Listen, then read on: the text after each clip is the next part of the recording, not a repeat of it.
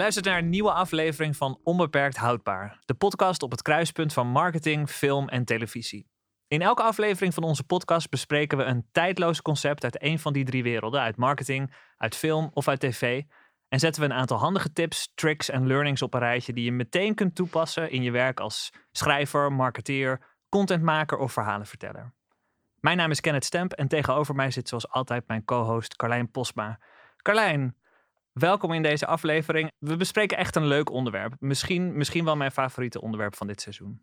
Ja, deze is inderdaad heel leuk. En het volgens mij ook erg leuk dat we dit onderwerp eigenlijk een beetje samen hebben gekozen. Meestal kiest één van ons, hè? maar we, we Ja, hadden klopt. dit, dit nou, als season finale ehm, is het wel leuk dat we, dat we hier allebei gewoon ehm, heel veel plezier in hadden om, om met dit onderwerp aan de slag te gaan. Ja, was ook een van de eerste onderwerpen. En hierna ga ik wel echt zeggen wat het onderwerp is. Want de luisteraars zullen denken, ja, Spannend. s- schiet nou maar op.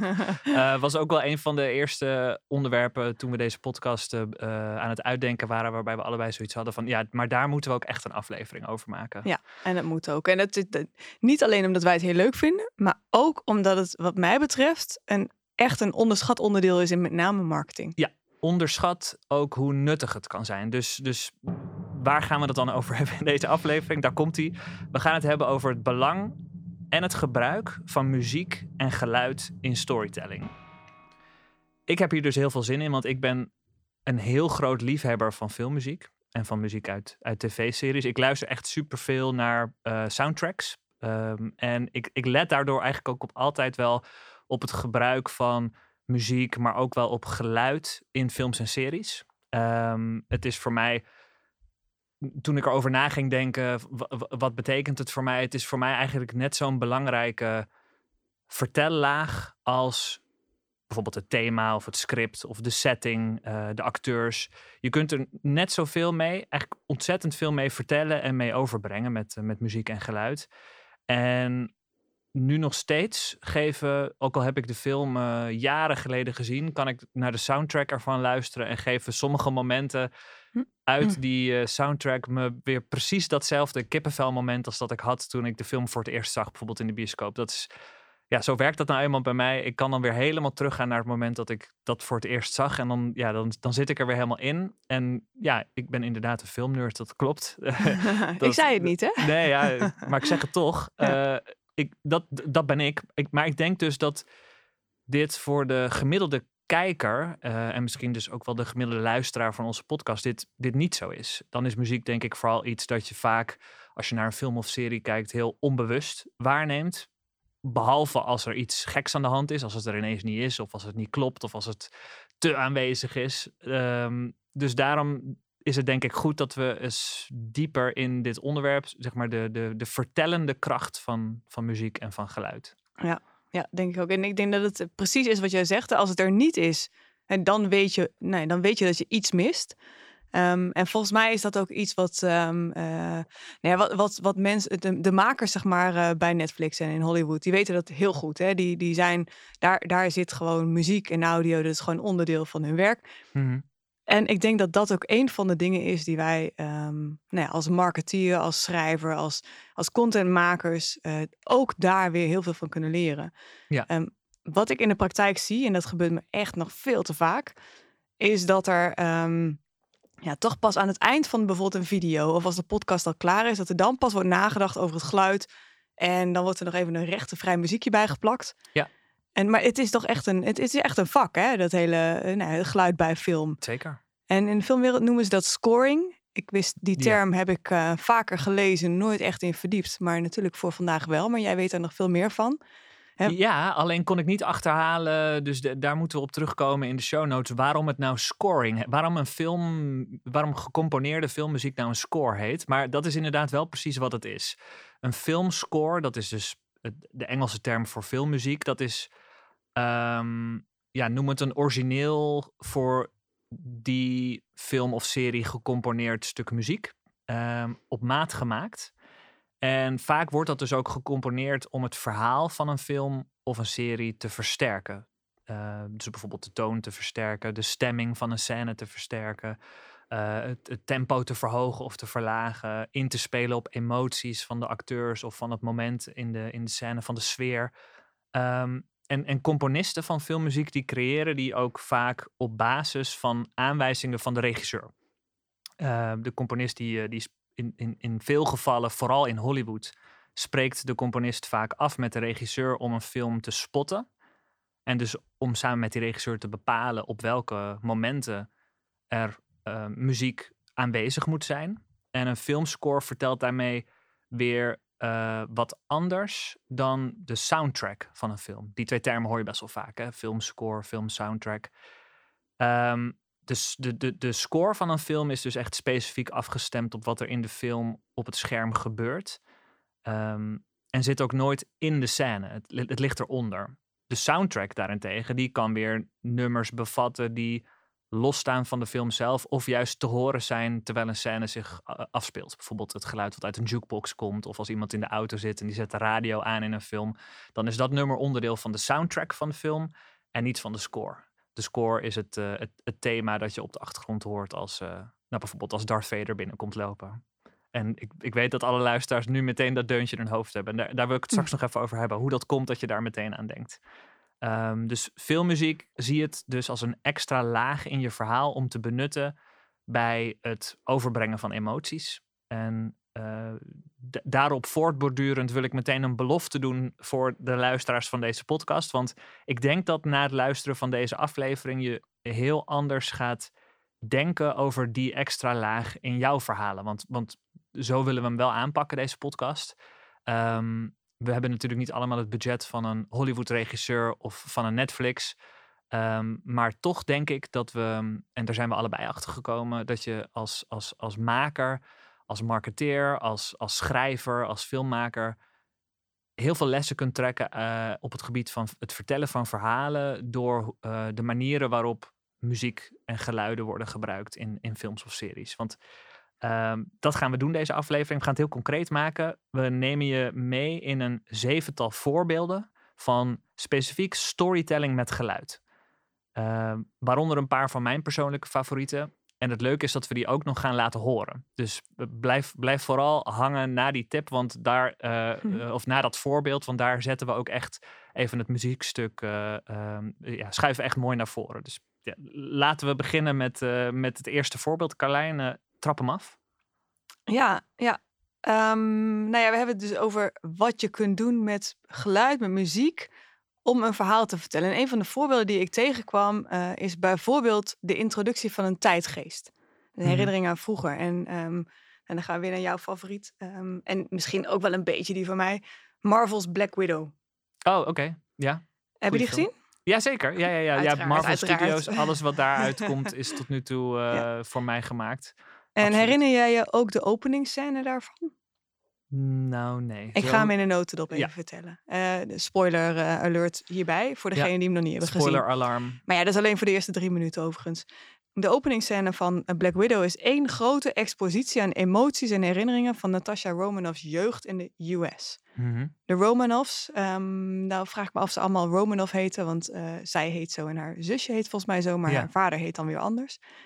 De Romanovs zijn uh, Sovjet-spionnen en leven de Amerikaanse droom. Eigenlijk semi-fake, want ze houden wel echt oprecht van het leven. Mm -hmm. En de film begint op het moment dat hun leven op zijn kop gaat, wanneer vader Alexei Shostakov Mooi. zijn missie heeft volbracht en met zijn gezin probeert te ontsnappen. En dat leidt tot een soort shootout waarbij uh, de moeder, Melina, uh, die komt om. En Natasha die moet dan de getaway plane besturen om haar en haar zusje Jelena in veiligheid te brengen. Ja, ja, dat, dat, hebben we allemaal een keer meegemaakt. Dat is, uh, ja. Meegemaakt dat je dat moest overnemen? Is ja, dat is uit het leven gegrepen. ja, exact. nou ja, uh, eenmaal geland in Cuba komt er abrupt een einde aan het leven dat zij kennen. Want ze worden gedrogeerd, hè, Jelena en Natasha, en gebrainwashed. En ze worden in het Red Room Program oh, ja. uh, gestopt. Mm -hmm. en dat is een programma voor jonge meisjes die worden getraind tot super spies. Nou, dit alles wordt in de eerste minuten duidelijk gemaakt in beeld. Het is echt een paar minuten, drie, drie, vier minuten misschien. Ja, bijna zonder dialoog toch ook? Ja, het is, ja, dat klopt. Volgens mij zit daar helemaal geen dialoog in. Mm. Uh, uh, maar goed, feitelijk wordt het, verteld, het verhaal verteld in het nummer van Nirvana. Uitgevoerd in een slowdown orkestrale cover door Malia. Mm -hmm. Um, Smells Like Teen Spirit, ken je ongetwijfeld. jaren Ja, negentig. zeker. Dus Ja, ook mijn, eh, mijn jeugd. Mhm. Ehm, en dat is een verwijzing naar Natasha's jeugd als tiener in de jaren negentig.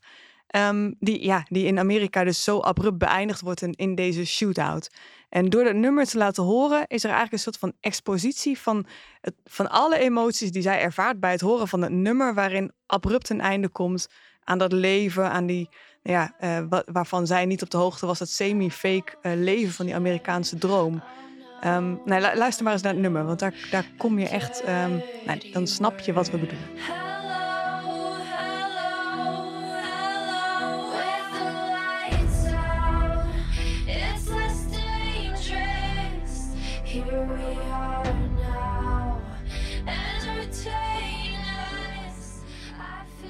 Nou, een klein stukje van het nummer. We kennen denk ik allemaal het nummer van Nirvana en de manier waarop deze nu ehm, wordt weergegeven en ook eh, nee, waar, waar eigenlijk alle beelden onder zitten. En dat, dat zullen we in de show notes ook eh, laten zien.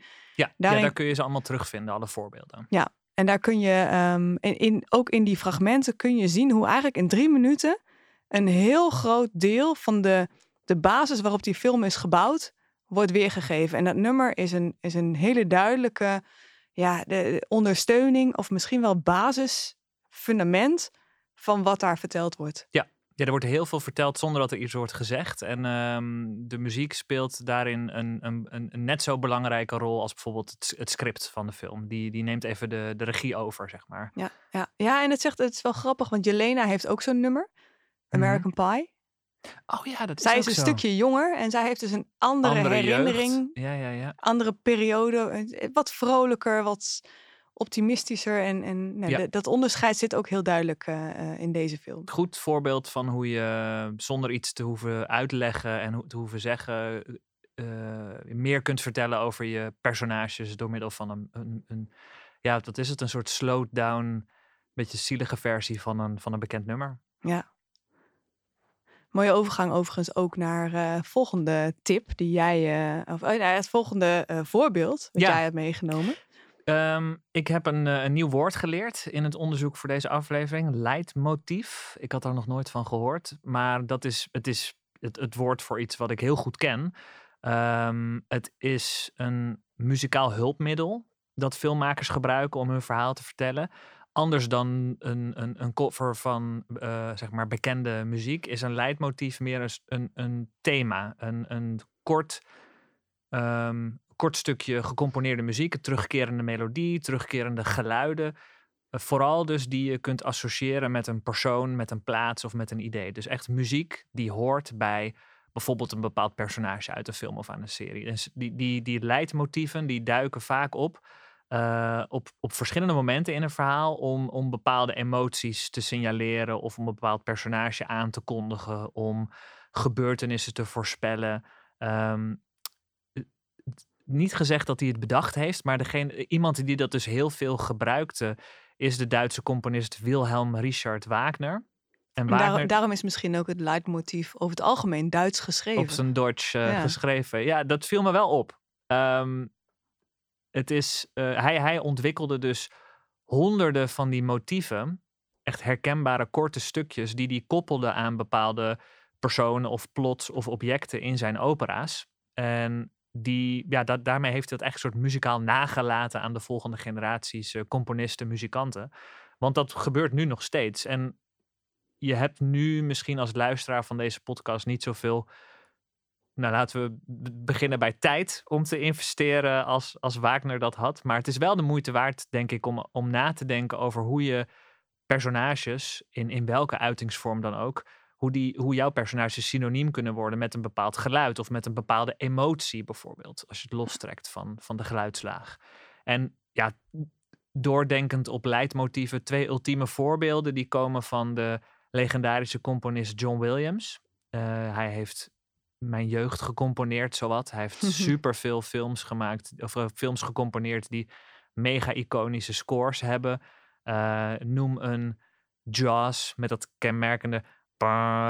Dat komt van hem. Twee noten. Eh, En ook de filmmuziek van bijvoorbeeld Star Wars. Dus wanneer dus Darth Vader door die gang komt lopen en je voor het eerst wordt geconfronteerd met de slechterik uit het stuk, die muziek.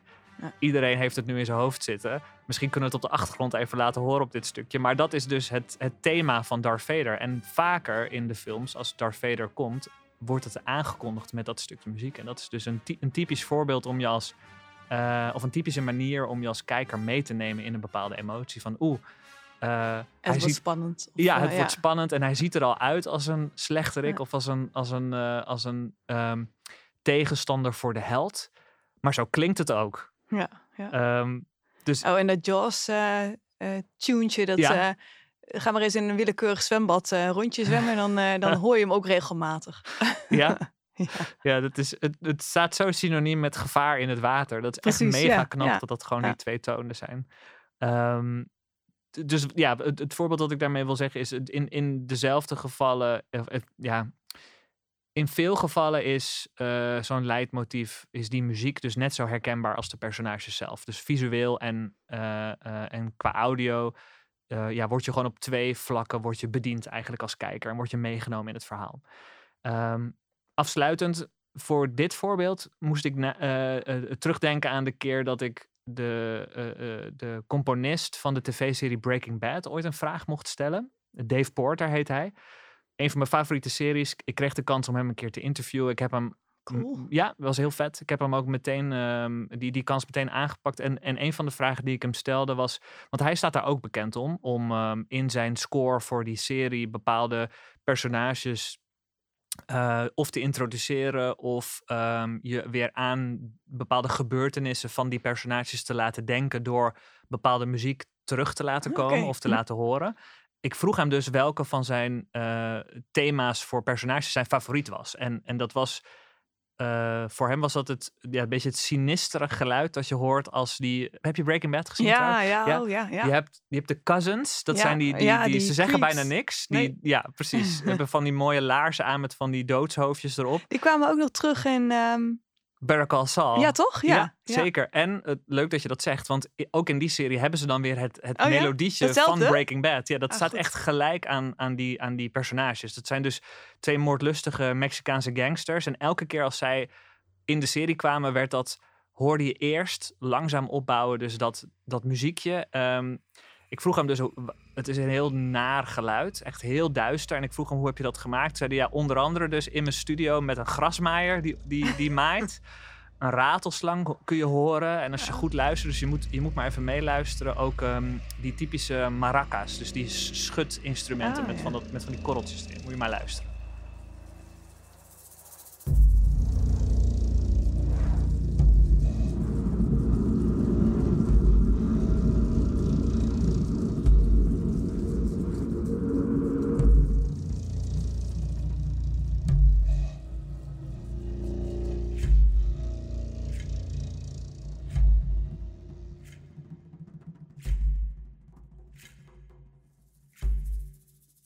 Door naar eh, het volgende voorbeeld. Er is ook eentje dat, dat je weet het wel dat het er is. Mhm. Maar pas als je erin duikt, snap je ook waarom het er is. En, en dat het ook een verhaal vertelt. Ik heb het hier over eh, nou, het opbouwen van spanning en suspense Ja, met een tik. oké. Tikken van een klok. Dat, dat gevoel krijg je daarmee. Ja. Nou, Hans eh, Zimmer is jou waarschijnlijk wel bekend. Ja, Hans, Wordt, leer mij eh, Hans kennen. Ik heb veel van zijn muziek geluisterd. Ik heb hem zelfs een keer live zien optreden. Oh, serieus? In Londen, ja. En het is niet alleen een componist, maar ook een muzikant. Want veel van de instrumenten op zijn filmscores, die, eh, die speelt hij zelf. Oh, nou ja, dat is dan ook maar meteen de introductie dan. Award-winnende eh, filmscore composer en music producer, maar dus ook performer himself. Yep. Ehm, en hij gebruikt voor heel veel van zijn films, de films waar hij voor gevraagd is, een tikkend geluid en spanning op te bouwen. En eh, bijvoorbeeld in Interstellar en in Sherlock Holmes. En het voorbeeld van Interstellar, ik weet niet of je die film hebt gezien. Zeker. Maar dat is niet alleen om de spanning eh, eh, op te bouwen. Maar de tikken die je hoort op de planeet Miller, dus op het moment dat ze op die andere planeet zijn, die geven je het gevoel van een extra tijdsdruk. Ja. En dat, dat komt. ehm, in de film wordt ergens een keer gesteld dat één dag op aarde zeven jaren op Miller zijn.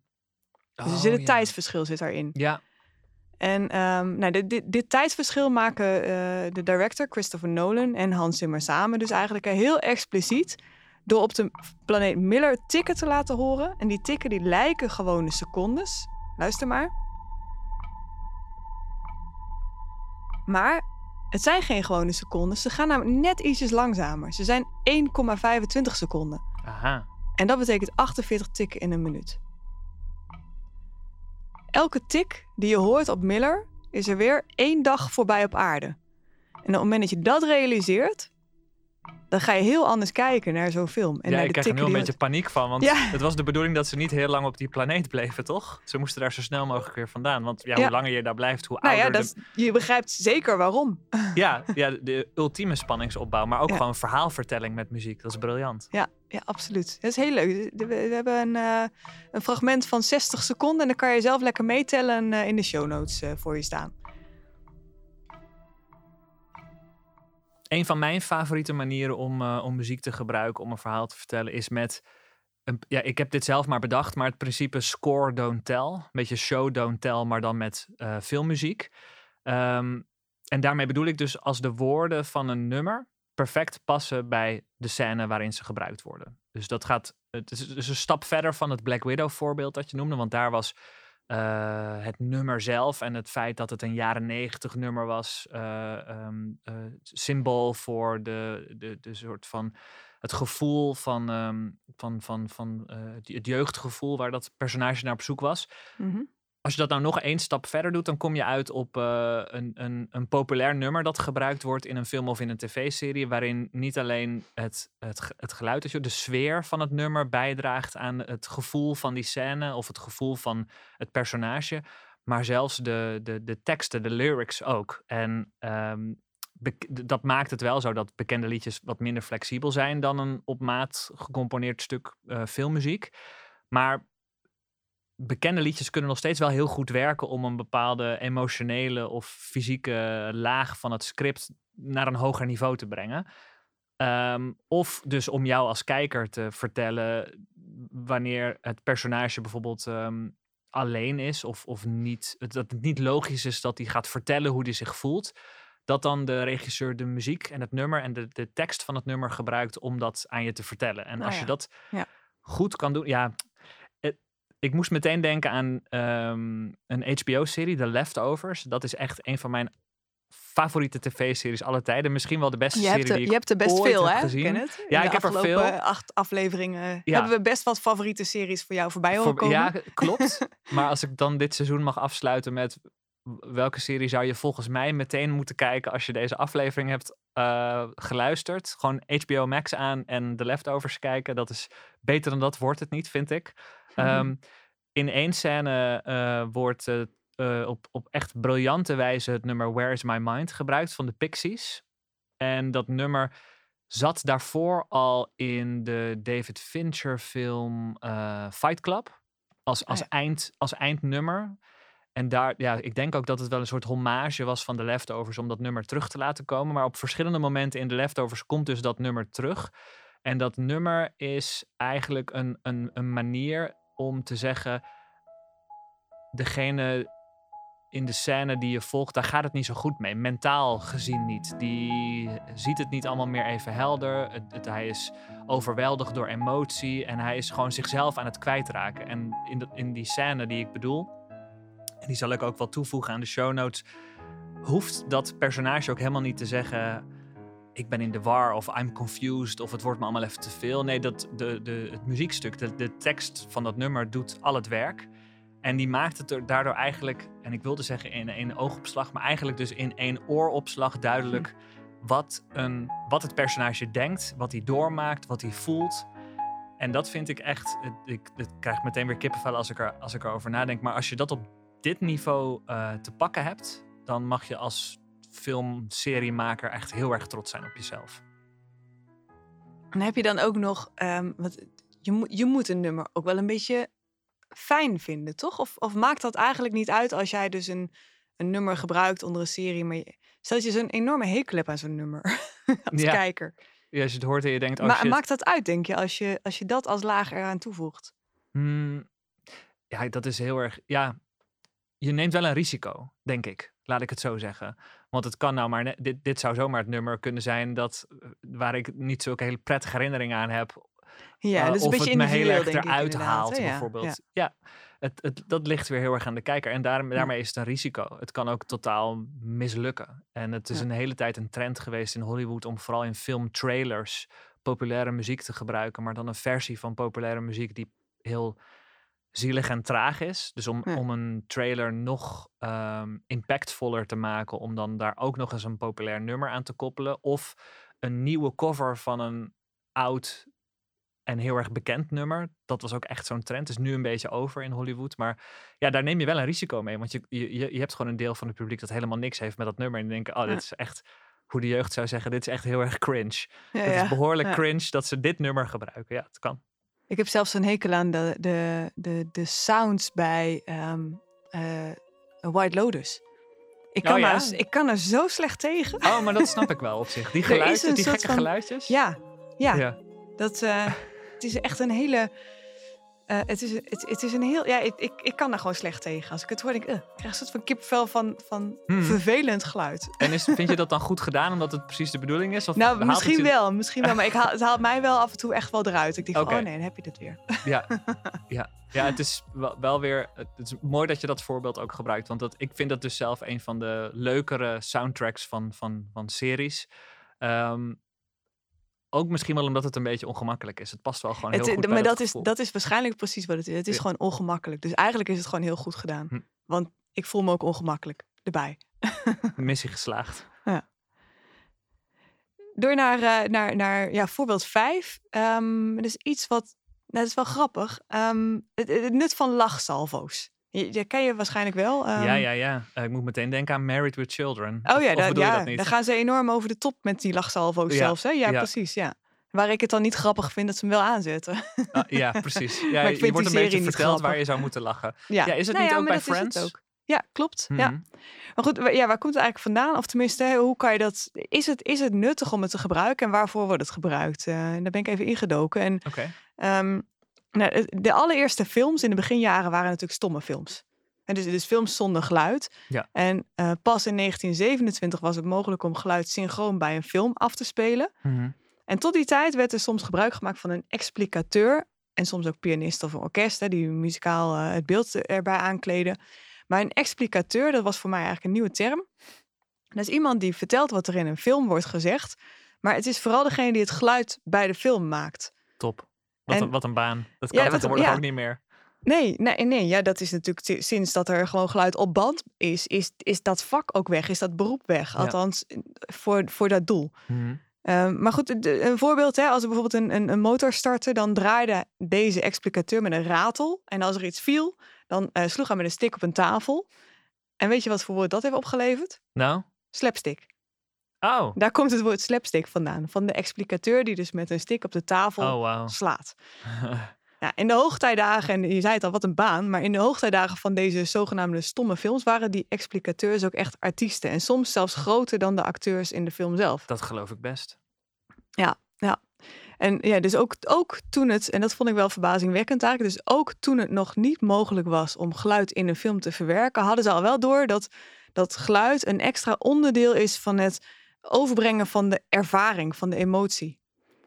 En dat hebben we dus later inderdaad hè, met die lachsalvo's. Dat is denk ik misschien wel een, eh, nou, een van de overgebleven stukken uit, eh, eh, uit de stomme film. Van, van hoe kunnen we nou het publiek beïnvloeden met een, nou ja, de, een, een, een geluid waarvan wij dus zeggen van nou hier, hier nou publiek nu mag je lachen dit was een grap Mhm. Hè, dus je zet ze op het spoor van het was een grap en dat gebeurt dus nu nog steeds en dat nou ja, waar we het net al over hadden dat was inderdaad bij Married eh, with Children maar ook bij Friends Big Bang Theory Oh ja.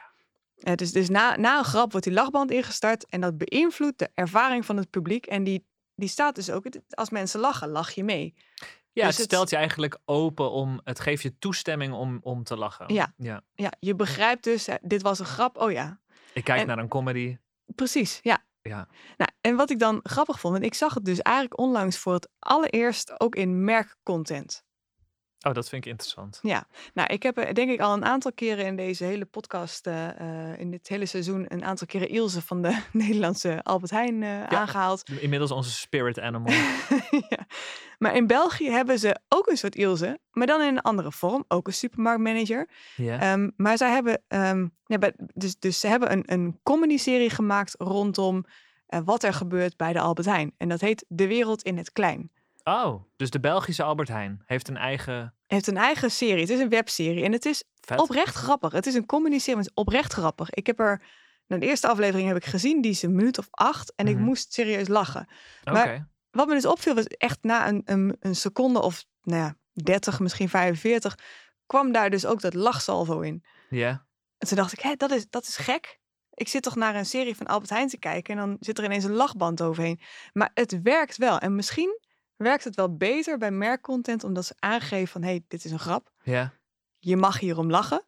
En, en, en, en zo, neem je, zo beïnvloed je dus eigenlijk het, het, de, de emotie van het publiek om mee te lachen. Of om het ook grappig te vinden. Ik vond je- het oprecht leuk. Vind je het, ja, maar ik snap dat je het leuk vindt, maar vind je het ook een, een kracht? Zeg je eigenlijk, dit zouden meer mensen moeten doen? Nou, ik ben heel benieuwd of meer mensen dit nu gaan doen.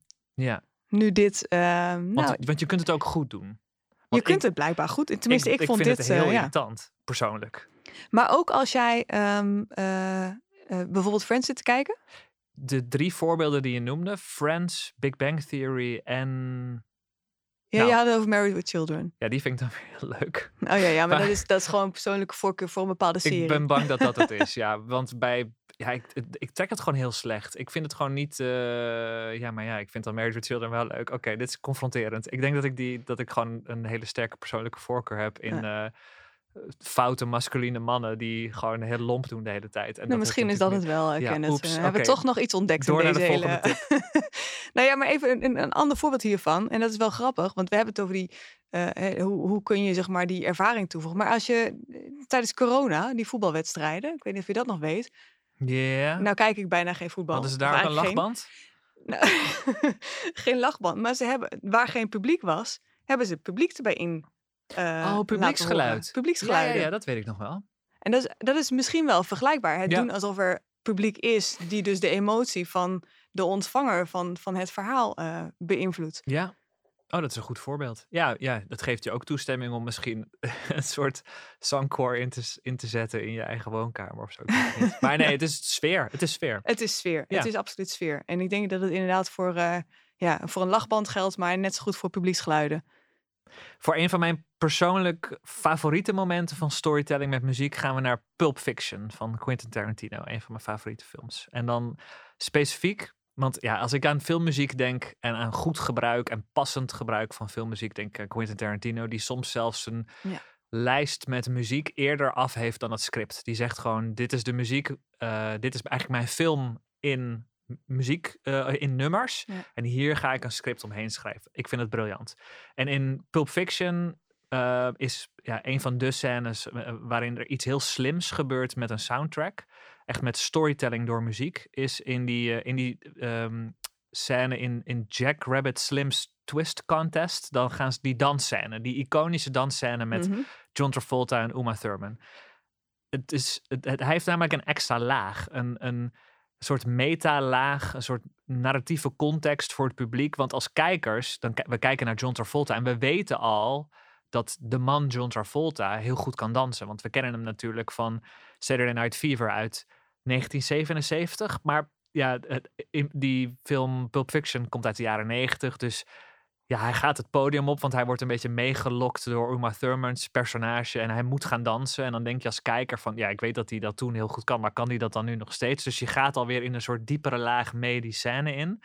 Ehm, en hij moet ook echt aan de bak, want Uma Thurman die, die, die ro- roept eigenlijk namens hem om van, nou, wij willen wel meedoen aan deze twist contest, eh, aan, die, aan die danswedstrijd. En dan verwacht je misschien dat hij een soort disco moves gaat doen op die dansvloer, want het is John Travolta, maar hij doet echt het complete tegenovergestelde. Hij doet een soort van, een soort van ja, nerdachtige, hele trage, rare bewegingen, een beetje ongemakkelijk ook. En ehm Uma Thurman doet daar dan nog een, een, een, een schepje bovenop. Die gaat juist heel theatraal naast hem dansen met hele overdreven bewegingen.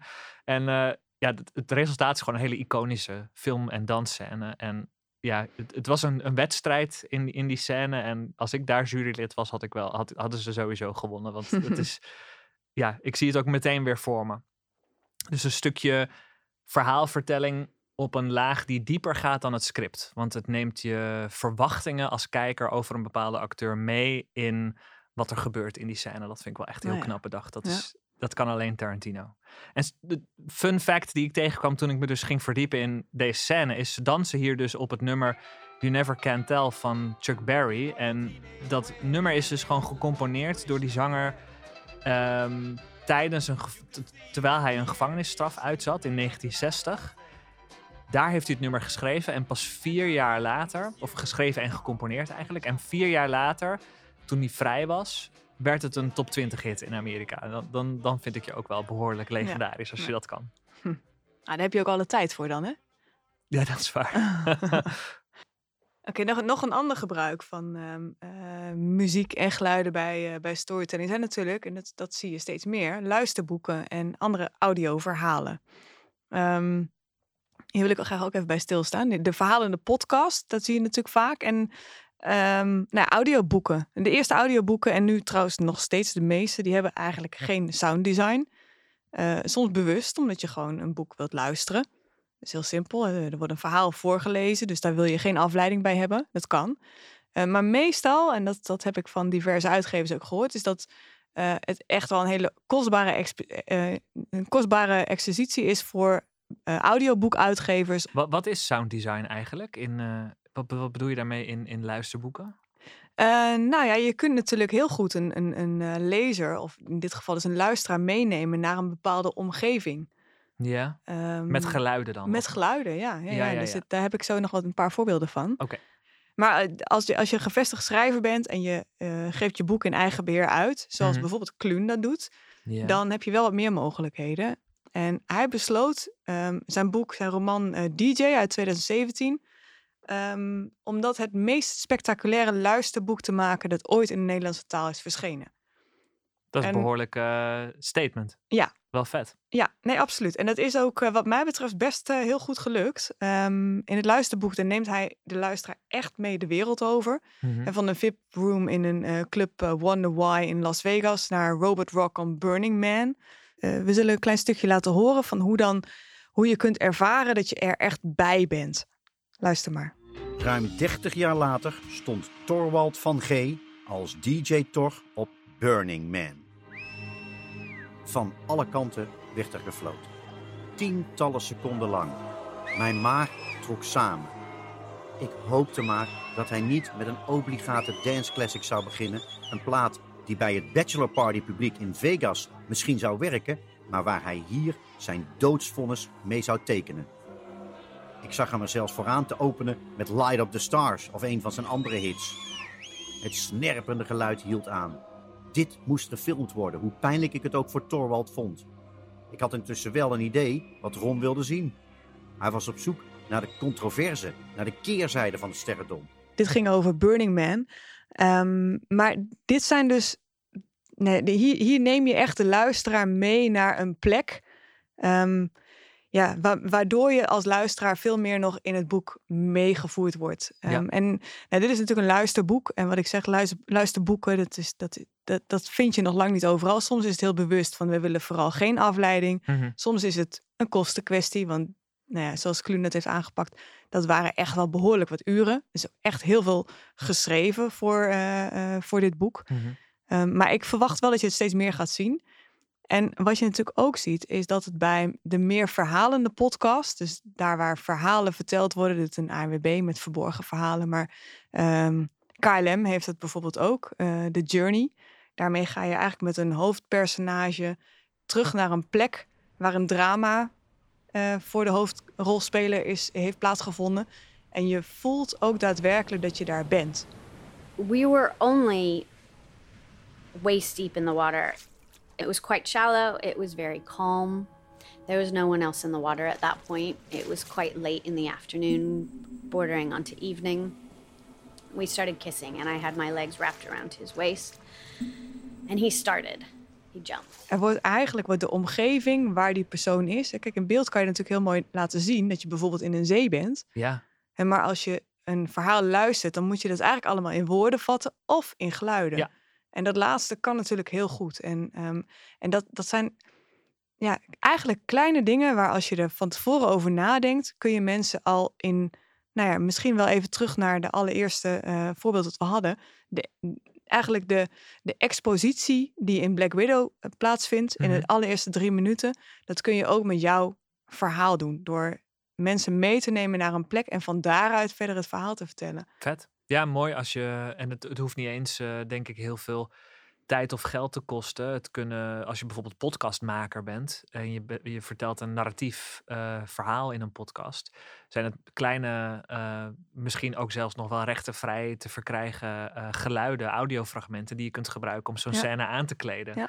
ja, heel tof. Goed voorbeeld. Vooral eerst over nadenken. Dat is denk ik het belangrijkste wat Ja, we dat hieruit is halen. de tip. Dat waren een aantal voorbeelden van eh, storytelling met muziek en geluid. Ehm, en tegelijkertijd ook nog eens een paar goede aanraders voor kwaliteitsseries en kwaliteitsfilms. Ik moest nog de- denken aan een, aan een film die ik eh, gezien heb toen jij vertelde over die, ehm, die rol die ze vroeger hadden bij de, bij de stomme film. Mhm. Dus die, die, die, die geluidenpersoon. En de explicateur? Die, precies. Ehm, filmtip, Babylon. Babylon, die film. Over eh, eh, acteurs en filmmakers in de jaren twintig, zeg maar de begintijden van Hollywood.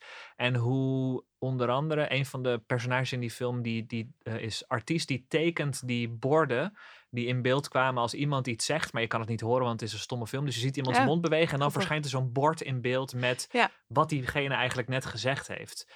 Ja, zo werd het inderdaad ook veel gedaan. Hè? Met de, de, de supers noemen ze dat dan nu natuurlijk. Hè? De plaatjes met tekst. Of... Met, in beeld, precies. nou ja, ja. Dat, dat dan in de begintijden van Hollywood. En ook ineens, eh, de toen er geluid in films was, die mensen zaten van de een op de andere dag dus zonder baan. En dat is in die film is dat heel goed en heel mooi en heel tragisch eh, verteld. Dus tussendoor even filmtip Babylon. We nemen nu eerst even een korte break. En als we zo terugkomen, dan vatten we samen wat we hebben besproken. En ook hoe je deze door tv-series en films geïnspireerde storytellinglessen kunt toepassen in jouw eigen volgende project. Tot zo. Hans Zimmer, je kent hem wel, hebben we het eerder over gehad. Die gebruikt voor veel films dus een tikkend geluid om spanning op te bouwen. Maar in de film Dunkirk is het tikkende geluid vervangen door een orkest. Waarbij het lijkt dat het geluid continu een beetje hoger wordt. Maar in realiteit is dat helemaal niet zo. Zimmer maakt gebruik van een auditieve illusie, oftewel hij goochelt met geluid. En dat doet hij door gebruik te maken van de zogenaamde Shepard tone. Een Shepard toon bestaat uit een aantal tonen met een octaafverschil die op elkaar zijn gelegd. En als de tonen vervolgens hoger worden, dan wordt de hoogste toon wordt zachter, de middelste toon blijft even luid en de onderste toon die wordt langzaam hoorbaar. En omdat je dus altijd twee tonen tegelijk hoger hoort worden, denkt jouw brein dat het een continu hoger wordende toon is. Terwijl er eigenlijk alleen maar een oneindige loop wordt gemaakt met drie hoger wordende tonen.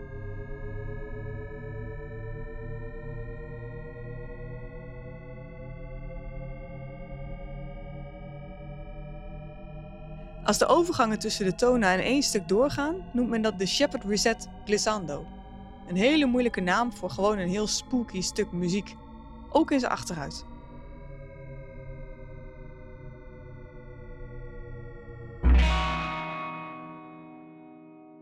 Oké, welkom terug.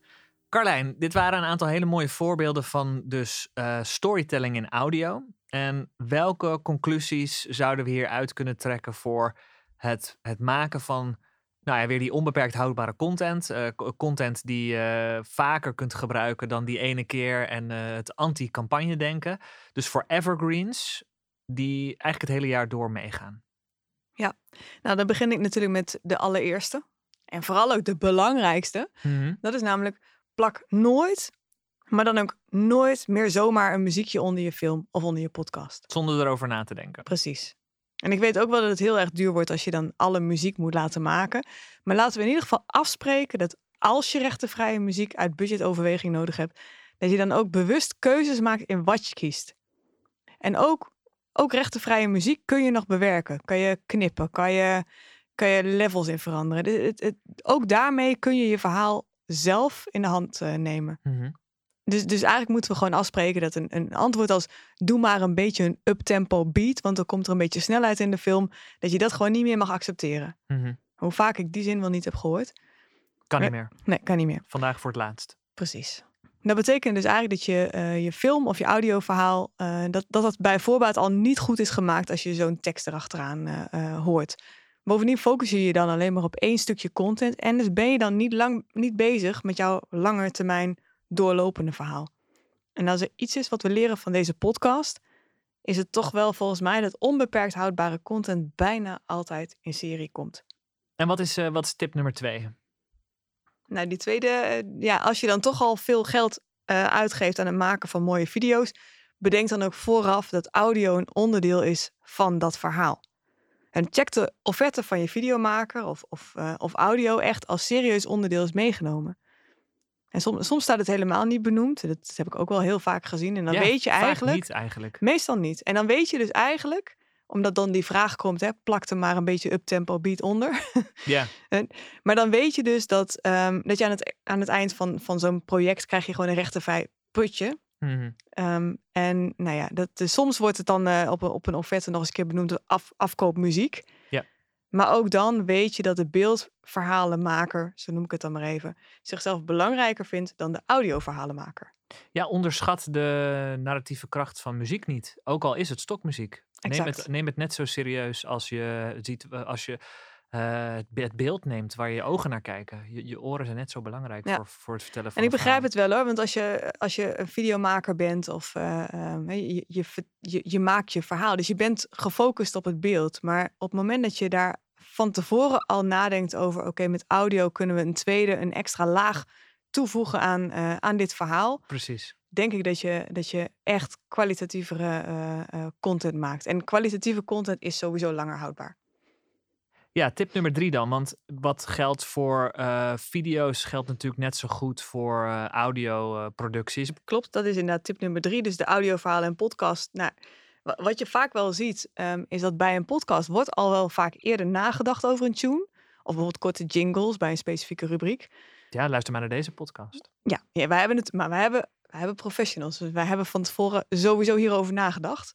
Ja, we zijn Eh, ook ongelofelijke audio-nerds, dus dan krijg je dat. ja, waarschijnlijk heb je, heb je daar bij, bij een podcast ook veel eerder behoefte aan, omdat er eigenlijk geen andere afleiding is. Je hebt geen video hè, om naar te kijken. Dus Mhm. er is op het moment dat er geen geluid is of geen ondersteunende laag, dan, dan heb je sneller in de gaten dat er iets ontbreekt. Maar dat geldt denk ik, hetzelfde geldt dus ook voor, voor luisterverhalen en voor audiotours, eh voorleesartikelen. Eh, ook daarbij is het verstandig om verhaal eh, ook in muziek of in ander geluid mee te nemen in jouw productie. En voor tip 4 gaan we weer even terug naar mijn, eh, eh, het onderwerp waar ik dit keer het meeste over geleerd heb. Die eh, mooie Duitse leidmotieven. Ehm, ook die zijn breder toepasbaar dan je misschien denkt. Ja, want ehm, nou ja, zoals je dat inderdaad hebt uitgelegd, het, zijn natuurlijk hele mooie eigenlijk soort van volggeluiden of introductie van een karakter of een thema of een, nou, een emotie. Ehm, maar stel nou dat jij in jouw merkcontent ook bepaalde karakters continu gebruikt. Daar hebben we het eerder over gehad. Maar stel nou dat je je eigen experts vaak eh, eh, naar voren schuift of, eh, of met klanten in, in jouw verhalen terugkomt.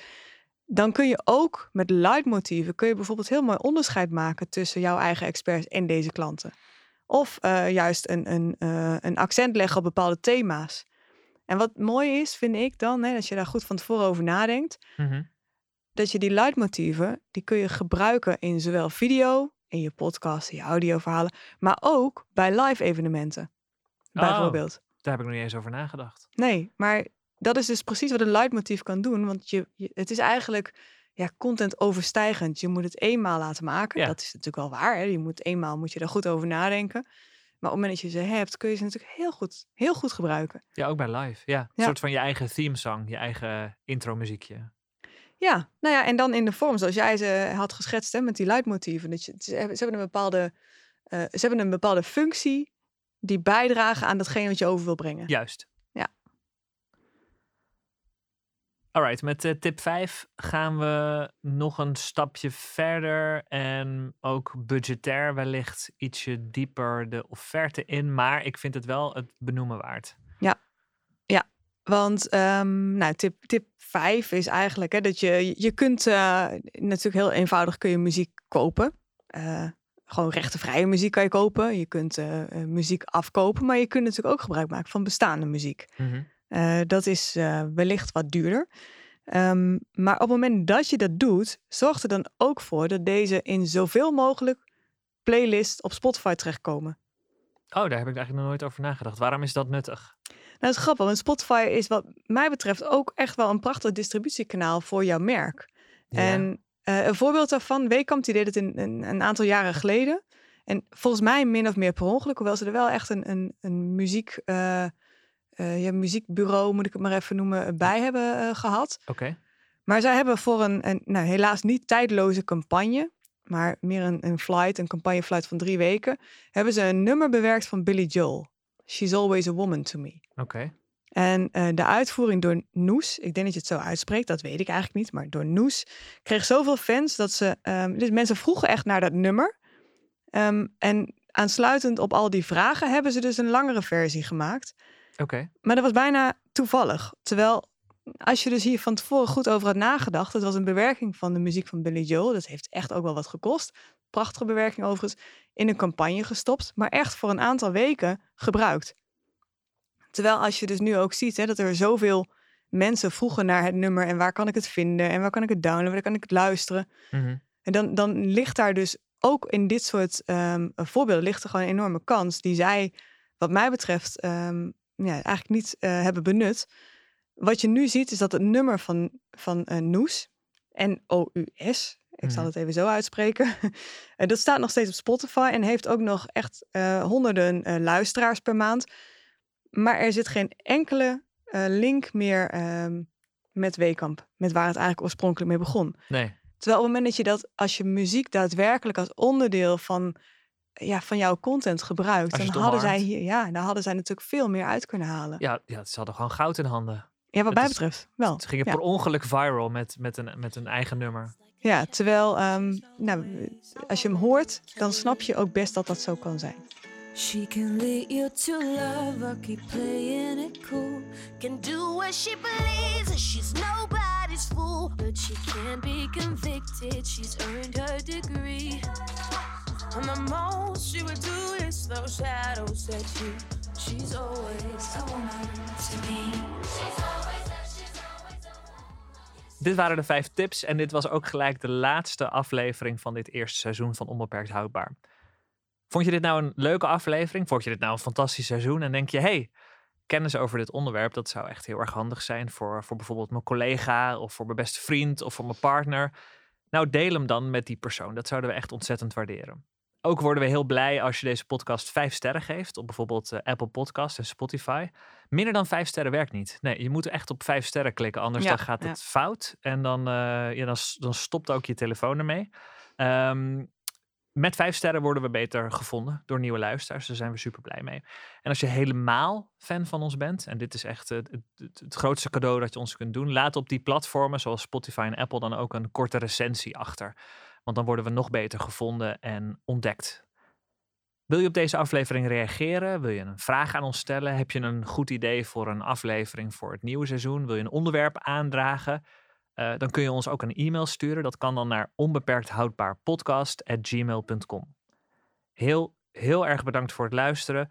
Eh, blijf nog even hangen voor een kleine eh, toetje, een kleine afsluiter en een soort teaser naar, naar misschien wel meer. Ehm, en dan zeg ik graag tot de volgende keer. Tot de volgende keer. De Onbeperkt Houdbaar podcast is geproduceerd door Carlijn Posma en door mij, Kenneth Stemp. De podcast is gemonteerd en gemixt door René Posma in de studio van Two Stories in Zwolle. René heeft ook onze muziek gecomponeerd. Onze showart is ontworpen door Vincent van Dijk.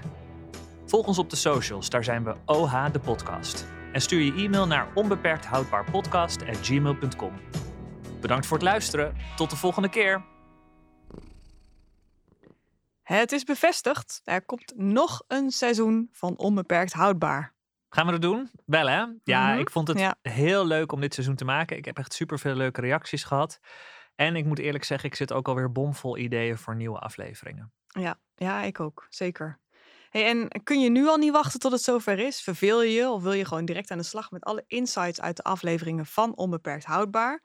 Ga dan naar www.newdegree.nl en dan vind je elke aflevering van dit eerste seizoen in een hele praktische cursus waarmee je ook direct aan de slag kunt. Gegeven door Kenneth en door mij.